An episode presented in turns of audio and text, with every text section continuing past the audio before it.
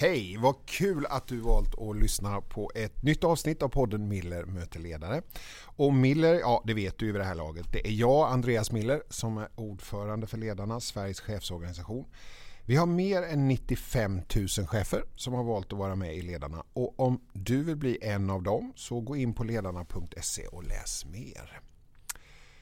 Ja, I den här podden så vill jag ju träffa ledare som på olika sätt gör skillnad och är engagerade, inte bara i sitt företag utan också ser företagets roll i ett större samhälleligt perspektiv. Idag gästas podden av Nazanin Nemachai eh, och jag är ganska säker på att du som lyssnar har kommit i kontakt med det företag som Nazanin jobbar på. Hej!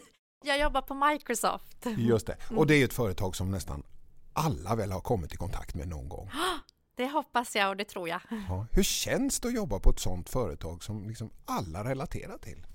Nej men det känns faktiskt extremt värdefullt eh, för att det är inte bara att man känner till Microsoft men det är också den nytta som Microsoft gör för att bygga upp samhället nu efter pandemin um, och, och, hjälpa till med digitalisering så att även de minsta företagen överlever uh, nu när vi börjar komma ut ur pandemin och bara liksom hur Sverige klarade sig i pandemin är mycket tack vare att vi lyckades fortsätta som förut med hjälp av teknologi.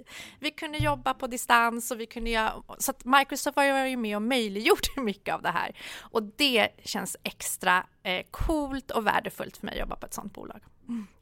Du, och, och, vad som jag tycker också är jättekult är att du och jag, med i och för sig lite coronaavstånd fortfarande, men sitter i samma rum och pratar. Ja, det känns ju jättekul måste jag säga. Vi har ju spelat in den här podden nu i ett och ett halvt år via liksom Teams då.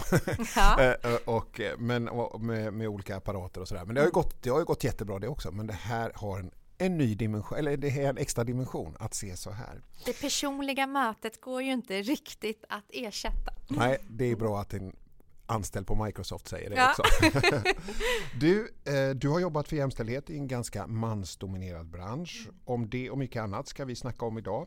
Och i maj i år så blev ju du trea på listan över framtidens kvinnliga ledare som vi på Ledarna tar fram varje år. Och vi ska börja med att höra hur juryns motivering lät. Nazanin Nemachahi vill att fler kvinnor tar steget in i IT-branschen. Själv tog hon vägen från enda kvinnan på säljavdelningen till ledningsgruppen på Dell Technologies. Tio år senare är hälften av företagets säljorganisation kvinnor. Hon har bevisat att mångfald bygger effektiva team som i sin tur gör företagets kunder framgångsrika på sin digitaliseringsresa. Det gör henne till nummer tre på listan över framtidens kvinnliga ledare. Nazanin, hur kändes det att få den här höga placeringen på listan Framtidens kvinnliga ledare? Nej, men det kändes helt fantastiskt. Det, det är så himla coola, ambitiösa, drivna kvinnor med på den här listan och få vara topp tre bland de här fantastiska kvinnorna var bara en ära och en jättefin bemärkelse. Mm. Vad har du fått för reaktioner då på att du är på listan?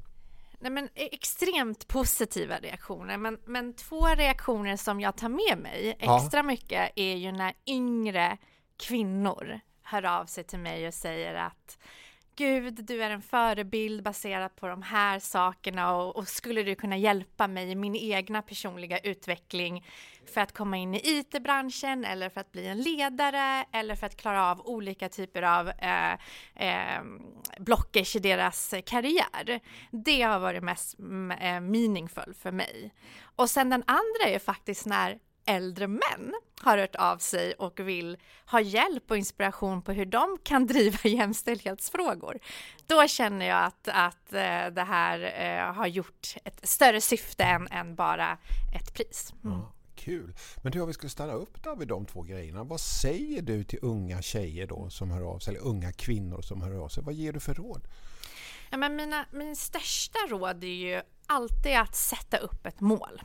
Mm. Vad är det för drivkraft och ambitioner du har? Det vill mm. säga att att ha en ambition att vara en ledare är för mig inte en ambition i sig, utan vad är det med ledarskapet som du vill?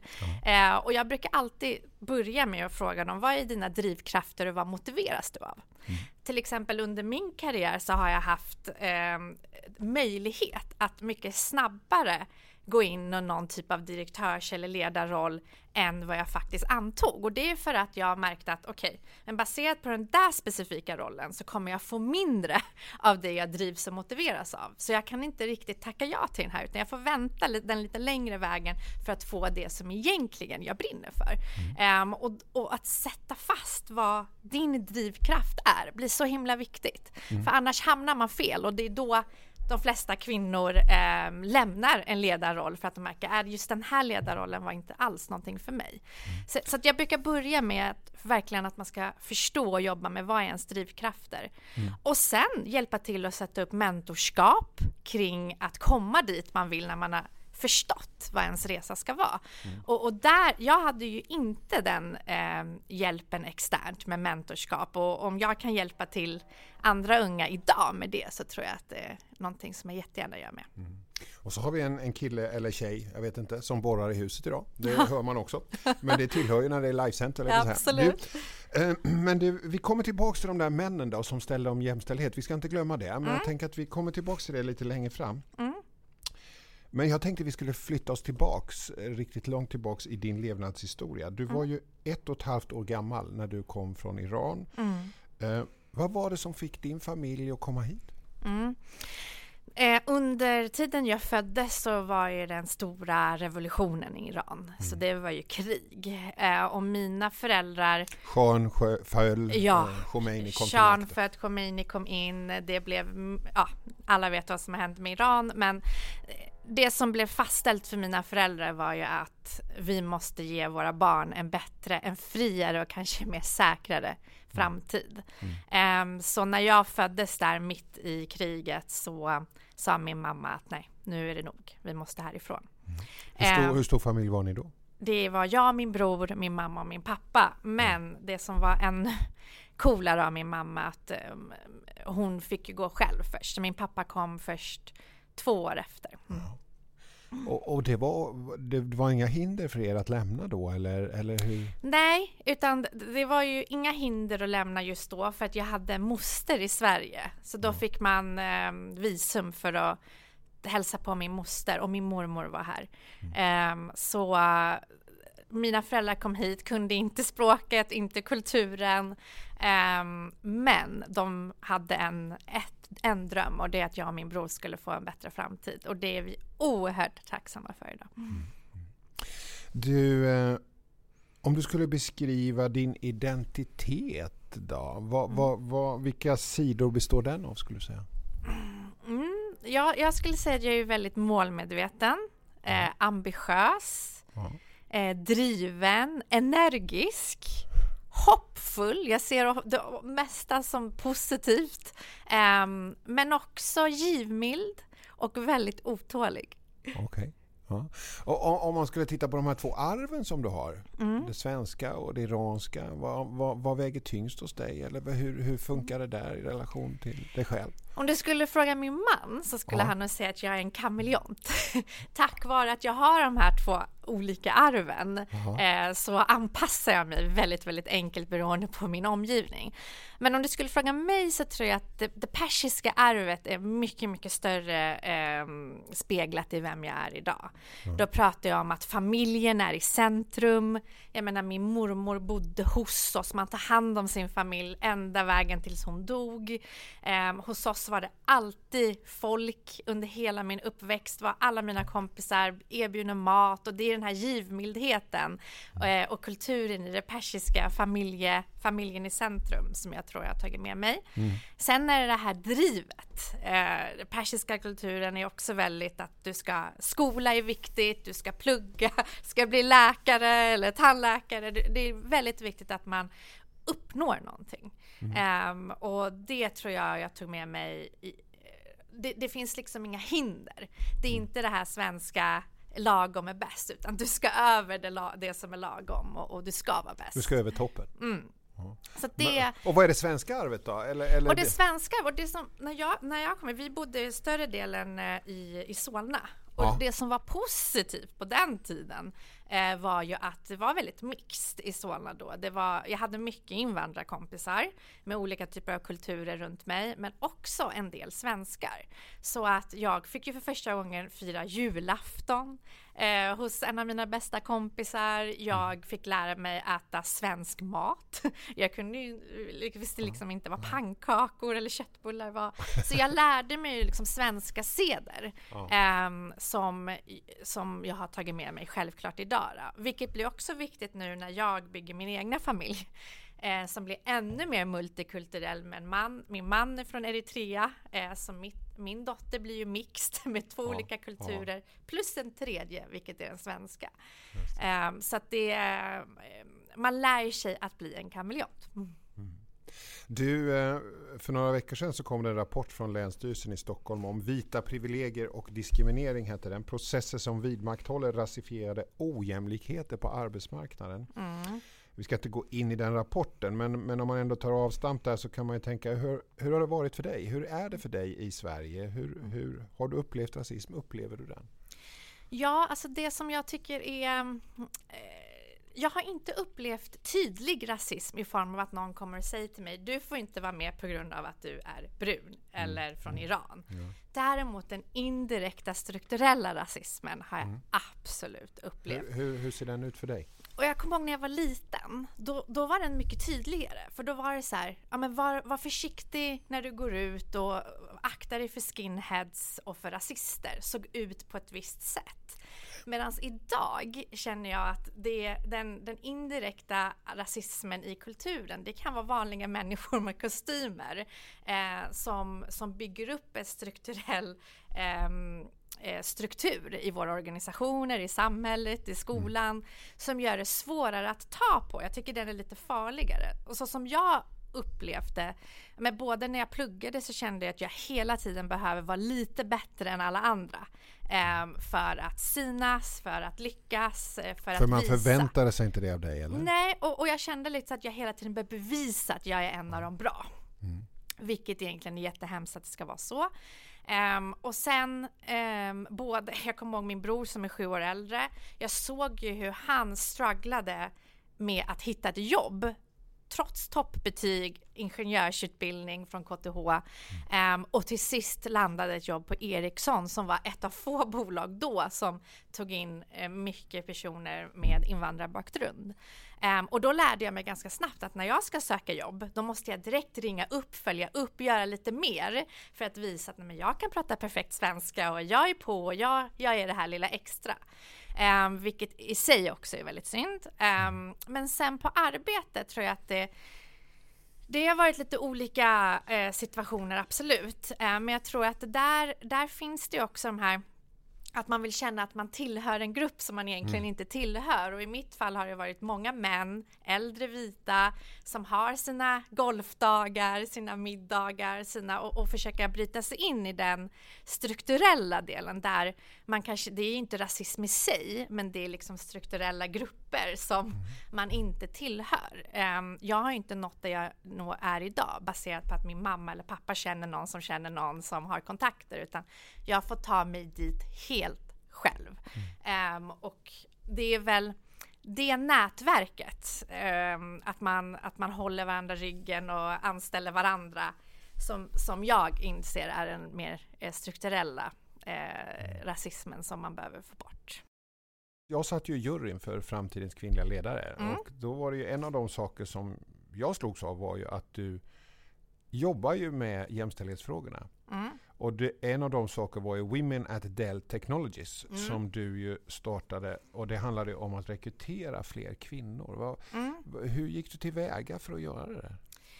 Ja, alltså som sagt, jag var en av de få kvinnor eh, på Dell som jobbade med försäljning. Eh, mm. jag var nummer ett och sen så tog jag in nummer två som var min kompis och sen började vi ta in lite fler folk, men jag kände fortfarande att vi saknar en stor, stor yta av människor som faktiskt kan vara och bidra. Och under den här resan så var det en jätteförändringsresa i IT-branschen Ah, det, var, det, gick från att vara transaktionell till väldigt komplex försäljning där det inte längre handlar om att ensam är bäst utan det handlar om att man jobbar med ganska komplexa projekt projekt där det är fler personer hos kunden som är involverade, fler personer hos oss.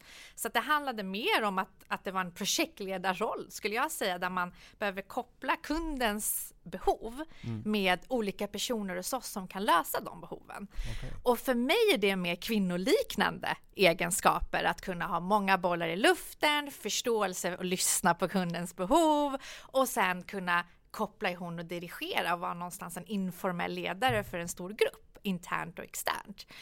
Um, så då kände jag så här, men gud, jag lyckas ju extremt bra med det här utan att förstå en enda teknisk sak. Hur kan vi få in ännu fler kvinnor med liknande bakgrund, men som förstår sig på kunden? För det är det egentliga jobbet, det är inte tekniken. Det har vi fantastiska män och herrar som kan göra åt oss. Um, och då uh, så fick jag min första ledarroll där också i samband och kände så här, nej men nu måste vi göra någonting.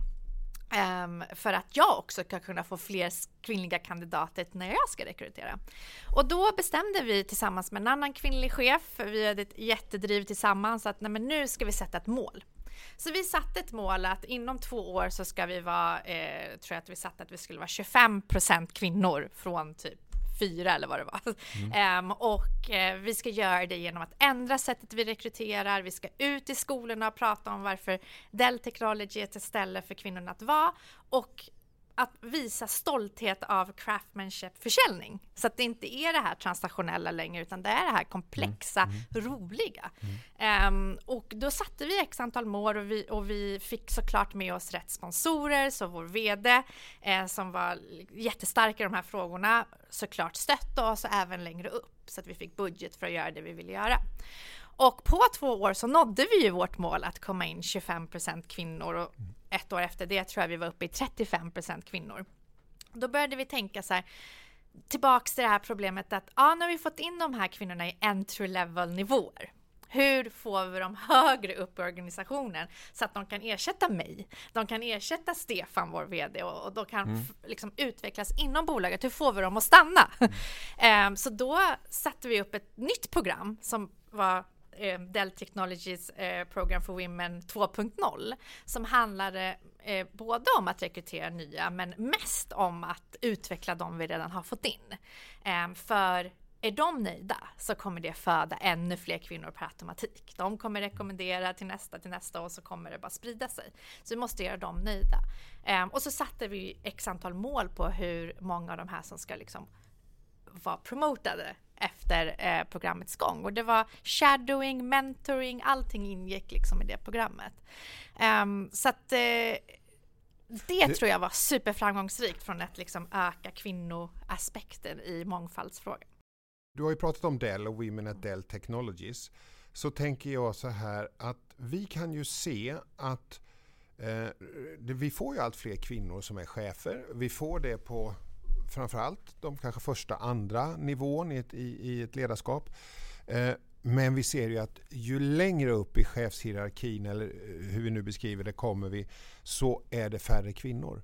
Vad tror du det är som händer på vägen mm. att kvinnor inte når toppen så att säga? Mm. Jag tror att det är eh, lite olika faktorer, så låt oss gå igenom dem. Eh, först och främst, för att en kvinna ska stanna kvar länge eh, som chef eller som ledare som jag kallar det så tror jag att det är jätteviktigt att det hela vägen längst uppifrån finns en kultur och en ledarskap som är modern och värderingsbaserad. Och varför jag säger det här är till exempel för tio år sedan hade jag aldrig börjat på Microsoft. Men tack vare att Satya kom in förändrade hela kulturen från ett know it all review Excel-fils eh, ledarskap till eh, learn it all, till vad är vår purpose och hur ska vi lära oss från varandra? Det var det som inspirerade mig att gå in i en sån förändringskultur och det som förhoppningsvis gör att jag stannade i en ledarskapsroll mycket, mycket länge. Eh, företag som börjar att göra det men inte gör det hela vägen upp kommer tappa kvinnor som oftast tar en ledarjobb baserat på värde och en purpose mer än att nu ska jag in i en review och nu ska jag vara en Excel-chef. Det, det liksom inte attraherar inte oss. Mm. Men finns det inte en annan aspekt också som, som eller män som söker jobb, de behöver inte, de, de ser inte att de behöver uppfylla alla kriterier. Men mm. kvinnor läser annonsen och tänker, men jag kan inte det där riktigt så då väntar Verkligen. jag. Verkligen, alltså inklusive mig. När jag läser en annons, om jag generaliserar kvinnor, eh, så eh, om de tittar på en annons och ser att sex av tio eh, kvalifikationer har jag, då tänker de så här, ah, men jag har inte de här fyra sista så jag söker inte. Medan män tänker ah, jag har redan sex, vi söker. Och det gör att vi tappar massa fantastiska kvinnor på vägen upp. Um, och där tror jag det är extremt viktigt att det finns då ledare på, på toppen som ger kvinnor som inte är riktigt där än en chans. Så att man med vägledning hjälper och accelererar de här kvinnorna. Det har man gjort med mig, det är därför jag är där jag är och det måste vi göra med fler. Men du, eh, det låter ju som en, eh, det låter som en succéhistoria när du beskriver den och så. Eh, och jag köper det. Men, men under resans gång, vad mötte du för motstånd? Eller mötte du inget motstånd? Eller mötte du bara liksom Ja, alltså det mesta var väldigt positivt och det var för att vi hade en VD som köpte sig in på det och det, alltså mitt största råd för någon som ska göra något liknande är ju att se till att ha rätt sponsorer med dig. Annars bli, blir det ingen fart på programmet. Och rätt sponsorer är rätt personer i företaget som ja. har inflytande över... Ja, så att till exempel vi fick ju en stående punkt på ledningsgruppsmötena att berätta att det här är viktigt. Vi fick tillgång till att mäta det här på alla chef, chefsnivå så att det blev en viktig fråga. Mäter man inte så brukar det oftast inte vara någonting folk bryr sig om, tyvärr. Um, så vi fick ju massa, men, men motståndet, om jag skulle nämna ett motstånd så är det ju att i, i många gånger var det samma motstånd. Det var vi är så svårt att hitta kvinnor. Vi vill ha dem, men vi hittar dem inte. Um, och då säger jag så här, då har du inte väntat tillräckligt länge, du har inte sökt tillräckligt bra. För det är ju så med dig att jag vet när vi läste på om dig här så, så var det så att du hade ett projekt där du skulle rekrytera och, eh, och då lät du rekryteringsperioden dra ut på, på mm. tiden. Va, jag, blir ju, jag är en sån här person som blir, när, när, någon på, när någon försöker säga att någon inte går, då spärrar det mig att vilja testa det själv. Så jag kände lite så här att nu har jag pratat om mångfald och inkludering i några år. Jag har gjort det här första året på det här programmet gud vad kul det skulle vara också visa det. Visa att man kan faktiskt bygga en diverse grupp. Um, och jag tog det ett steg till. Jag ville dessutom visa att man kan anställa en mångfaldgrupp utifrån inte bara kvinnoperspektivet men också etnisk kultur och olika bakgrunder i form av vad man har pluggat. Det behöver inte bara vara den här personen från Handels eller Stockholm utan en mix. Så Ehm, jag fick ju chans. Eh, Stefan gav mig ett uppdrag att, att starta upp en helt ny organisation som hette Medium Business. Jag skulle anställa runt 22 personer, inklusive säljare, säljchef och säljcoach. Um, by the way, eftersom vi hade det fantastiska programmet, säljchef och säljcoach fick bli kvinnor från det här programmet. Uh, jättedrivna kvinnor som idag är, är, är fortfarande ledare uh, inom IT. Um, ehm, men sen eh, märkte vi att det var ju svårt att hitta de här kvinnorna. Det skulle ju också vara att man skulle sälja till icke-köpande Dell-kunder, det vill säga acquisition, det svåraste av alla försäljningar. Um, men det tog ungefär sju, åtta månader tills jag hade den här gruppen.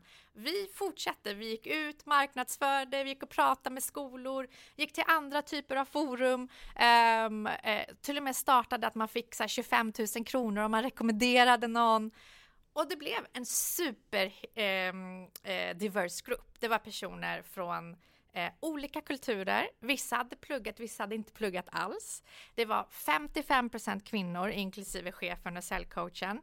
Eh, och det roligaste av allt, att efter ett år så var den här gruppen the fastest growing media market team i Western Europe. Och det visade ju bara på att det var högt i tak, det skapades en kultur av innovation som jag aldrig har varit med om. Um, och, och, det resulterade till resultat. Så det här var första gången jag kunde säga att ha! Det är inte bara någonting vi pratar om, det är faktiskt bidrar till ett bättre affärsresultat. Hur kan vi få det här till resten av organisationen och längre upp i näringskedjan där vi är fler män? Mm.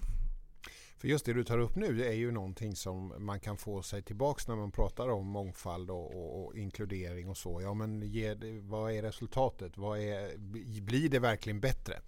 Och det är ju det du visar här när du, när du beskriver din, det du har gjort. Mm. Eh, du, eh, eh det här med ledarskap då? Mm. Eh, det är naturligt att vi pratar om det i den här podden. Mm. Vi är ju liksom en organisation med med chefer i alla branscher och så. Och när, när, vi träffar, när jag träffar chefer så, så blir det ju ofta väldigt tydligt liksom att det man har gemensamt är ju ledarskapets utmaningar och, och, och ledarskapets eh, vad ska jag säga, eh, ja, lust och energi som finns i ledarskapet men också de problem, för, in, ja, problem man kan ställas inför som chef. Men du, när, när insåg du själv att leda andra människor var något för dig? Jag anser ju att när jag jobbade som säljare var jag en ledare fast en informell ledare. Ja, informell ledare i gruppen? Ja, eller? jag drev ju ett virtuellt team med massor med människor och även ut, ut hos kunden kopplade ihop personer som inte ens kunden själv hade koll på. Jag jobbade med extremt stora globala kunder eh, så att projektleda det och få människor att drivas och jobba mer med mina kunder jämfört med andra kunder var ju i sig att vara en informell ledare. Um, och vi lyckades ju väldigt framgångsrikt med det så att jag började också utanför det började jag jobba med lite yngre säljare och jobba med deras utvecklingsplaner och få in dem lite på att, lite mer avancerad försäljning. Och då kände jag två saker. Men gud vad kul det skulle vara. Ett, att får göra det här på heltid, det vill säga leda, inte vara chef, utan vara en ledare för människor, driva lite mer modern ledarskap med fokus på individen och fokus på kultur för att sen föda in resultatet baserat på att när människor mår bra, då kommer resultatet med. Det var det ena. Det andra som jag kände att under de år jag hade varit där så var det väldigt få chefer som jag kände inspirerade mig. Det var mycket Excels och reviews och det var några få som jag kände så här, du har faktiskt gjort en impact på dig, dig skulle jag följa med vart du än drar eh, och följa dig som ledare. Då kände jag så här, men den kulturen vill jag också vara med och ändra, det vill säga eh, ändra sättet som man ser på ledarskap. Mm. Så, så Utstrålning, attityd, energi, är det viktiga begrepp för dig när du tänker kring ledarskap? Absolut. Energi föder ju energi. Så, så mm. får du ut mm. energi så kommer du få energi tillbaka. Um, men ännu viktigare tror jag handlar om, om, om att värdebasera, alltså att det finns ett syfte mm. mm. baserat på ledarskapet. Handlar det om att du vill känna att ledaren bottnar i sina egna värderingar? Ja, men också hjälper individerna bottna i sina värderingar. Jag tror att människor, det var någon som frågade mig en gång att eh, vad är det som gör att man inte lämnar ett företag och då brukar jag mm. säga att man lämnar oftast inte ett företag, man lämnar en chef. Mm. Eh, men man följer också en ledare. Varför jag är på Microsoft idag är till exempel för att jag verkligen vill jobba med Helene Barnekow. Mm. Jag följde henne och ville verkligen... Ehm, Vad var det du såg där då? Nej, men, och det är precis det jag såg var att hon på Det finns en grej att gå och prata om, om, om eh, modernt ledarskap, men hon tyckte jag var en av de som verkligen visade och agerade Eh, på det. Så att i hennes tidigare ledarskapsroller i mansnominerade branscher, hon var också på EMC by the way, eh, så gick ju hon in och gjorde en förändringsresa i kulturen, lyfte upp kvinnor, såg till att det på riktigt mättes så att man kunde följa upp och göra någonting kring inkludering och diversifiering. Um, och då kände jag som om hon har den rollen, då är det här ett bolag som jag skulle kunna tänka mig följa med på den förändringsresan. Mm. Och, och, och, då kan vi säga så att den som lyssnar på den här podden med dig kan ju då också lyssna på en podd i det här i Emilia möter ledare. För Helene Barnekow har varit med här mm. och pratat precis om sitt ledarskap. Om man vill fördjupa sig i mm. henne. Mm. Du, eh, du pratade om det här att, att eh, om medarbetarna så att säga mår bra så blir oftast resultatet väldigt bra. Mm. Men du, och, och, och då, hur bygger man, hur tänker du? Hur bygger du, hur har du byggt och hur bygger du tillit i de grupper som du jobbar med? Jag tror först och främst att eh, om man ska driva transparens och inkluderande ledarskap, vilket jag hoppas att det är det jag, det är ändå det jag brinner för och driver, så grundar allt det sig i tillit um, och förtroende. Har man inte förtroendet, har man inte tilliten, då blir det inte inkluderande, det blir inte transparent. Mm. Så vad är det som bygger upp det här förtroendet? Mm. Och jag mm. tror att först och främst det som jag har varit väldigt, um, det som jag har liksom prioriterat kring transparens är att sätta upp tydliga mål och förväntningar. Jag är supertydlig med vad jag förväntar mig av mina teammedlemmar. Mm. Men jag är också lika tydlig med vad de kan förvänta sig av mig om vi når eh, en konsensus där. Um, och det är så himla viktigt för annars kan det bli problem på vägen. Mm. Eh, om jag anser att någon inte har uppnått någonting som jag förväntat eller tvärtom. Eh, någon inte anser att jag har uppnått till någonting som de har förväntat, om inte man sätter det från grunden. Mm. Så jag tror sätta tydliga förväntningar, tydliga mål och, och bygga accountability runt det. Eh, det vill säga, då får man stå för det och walk the talk. Eh, det tror jag är jätteviktigt för förtroendet. Får jag fråga där? Mm. När du säger sådär, sätta upp tydliga mål för mitt team. Kan du bara ge något exempel på vad är det för mål du sätter upp för en mm. teammedlem då till exempel? Så till exempel när jag började på Microsoft, det är ju ett jättenytt och fräscht exempel jag kan ge. Så istället för att, eh, jag kommer ihåg att en av de chefer som jag då har under mig sa så här, vad är ditt uppdrag? Och då sa jag så här, du, och istället för att hitta på någonting så sa jag så här, vet du vad, jag vet inte vad mitt uppdrag är, jag vill att vi sätter det ihop. Och det vi gjorde då eh, är att vi tog två dagar offsite, eh, där vi i två dagar, jag ville lära mig från dem. Jag är inte här för att jag är kan deras affär bättre än dem.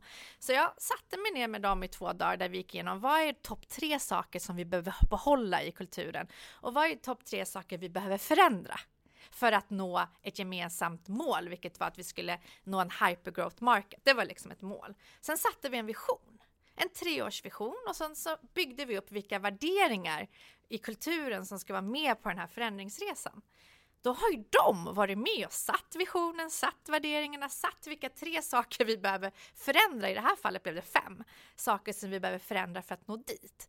Då blir det inte så att jag kommer in och sätter någonting som är mitt mål, utan det blev vårt mål. De känner helt plötsligt ansvar för att de har varit med och byggt upp det här och det i sig skapar ett förtroende. Men sen kommer det till det här med inkluderande ledarskap, för det tycker jag också skapar tillit. Vi har pratat om transparent, men inte om det inkluderade. Och det inkluderade var ju såklart det här med, med att man inkluderade vision och värde som vi pratade om.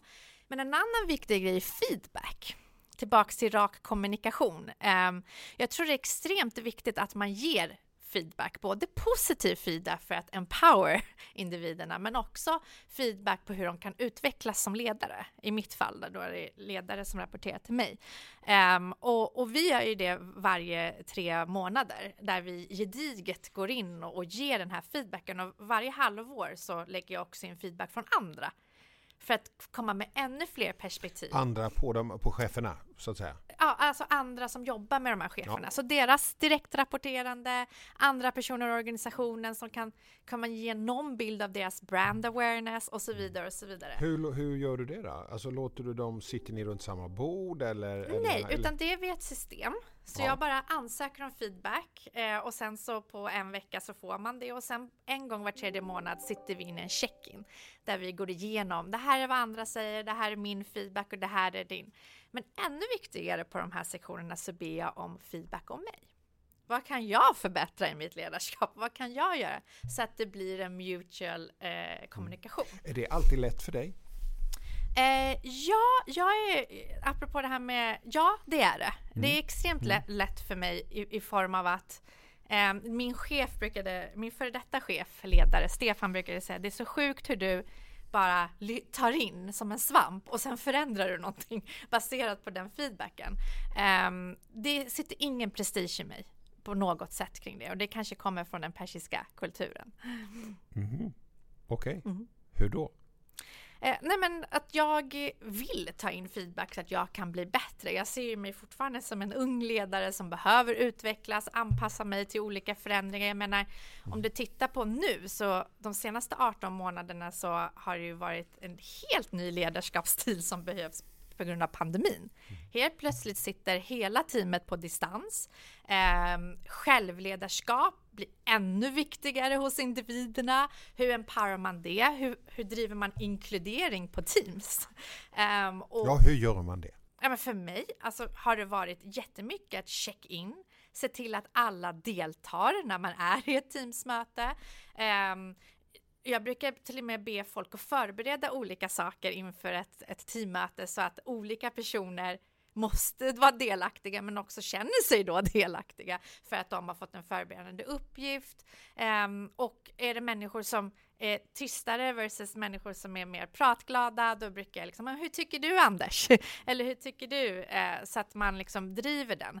Men, men det här självledandeskapet blir ännu viktigare, tillbaks till det här informal leader som vi pratade om innan, att hjälpa mina chefer att hjälpa deras anställda att, eh, att driva självvetenskap för att de måste ju gå över gränser. Vi industrialiserar oss nu på företaget. Hur får du in industry expert? Hur pratar du med över sex olika personer hos kunden, olika budskap. Det blir mer och mer komplext och där blir det här eh, eh, självledarskapet ännu viktigare. Eh, vi börjar närma oss slutet av podden. Det eh, har varit jättekul att ha dig här Nazanin. Eh, och, men innan vi slutar så tänker jag så här att jag brukar ge chefen som närvarar en möjlighet att ge ett råd. Mm. och nu har ju du gett många bra tips och råd under den här tiden vi har snackat. Men mm. vad är ditt tips om jag som chef bestämmer mig för att arbeta med mångfaldsfrågan? Var ska jag börja? Ja, jag tror jag sa det till någon precis innan jag kom hit, men hamna någonstans där du tror att du kan påverka mest. En av anledningarna varför jag också kom till Microsoft är att jag känner så här, oh, här kommer jag få en plattform att kunna påverka mångfaldsfrågan på ett mycket större sätt än vi har kunnat innan. Och under mina åtta månader så har jag blivit Diversity and Inclusion Lead på Microsoft. Jag har dragit igång massa initiativ, inte bara hur vi driver mångfald för kvinnor, men också kring etnisk etnisk bakgrund som jag tror vi är långt kvar eh, på resan. Eh, så jag skulle, min största rekommendation är ett sätt mål. Eh, ta, förstå var du kan påverka eh, störst och långsiktigt och ta in influenser i organisationen som kan hjälpa dig nå dit. Eh, och mät. När man mäter, då händer det saker. Mm. Mät och ta in influenser som kan hjälpa dig att flytta mm. organisationen. Nazanin Nemachai, mm. väldigt kul att ha det här. Försäljningsdirektör Microsoft. Eh, jag kan tänka mig att du och jag träffas någon gång längre fram och då har du ett helt annat jobb. Ja. Eh, skulle inte förvåna mig om det är så. Eh, och större inflytande. Och så kan jag tänka mig. Du, jättekul och inspirerande att få träffa dig. Superkul. Ja, du, du som lyssnade. Tack för att du gjorde det på Millimeterledare. Och vi återkommer snart med ett nytt avsnitt. Tack för idag. Tack, tack.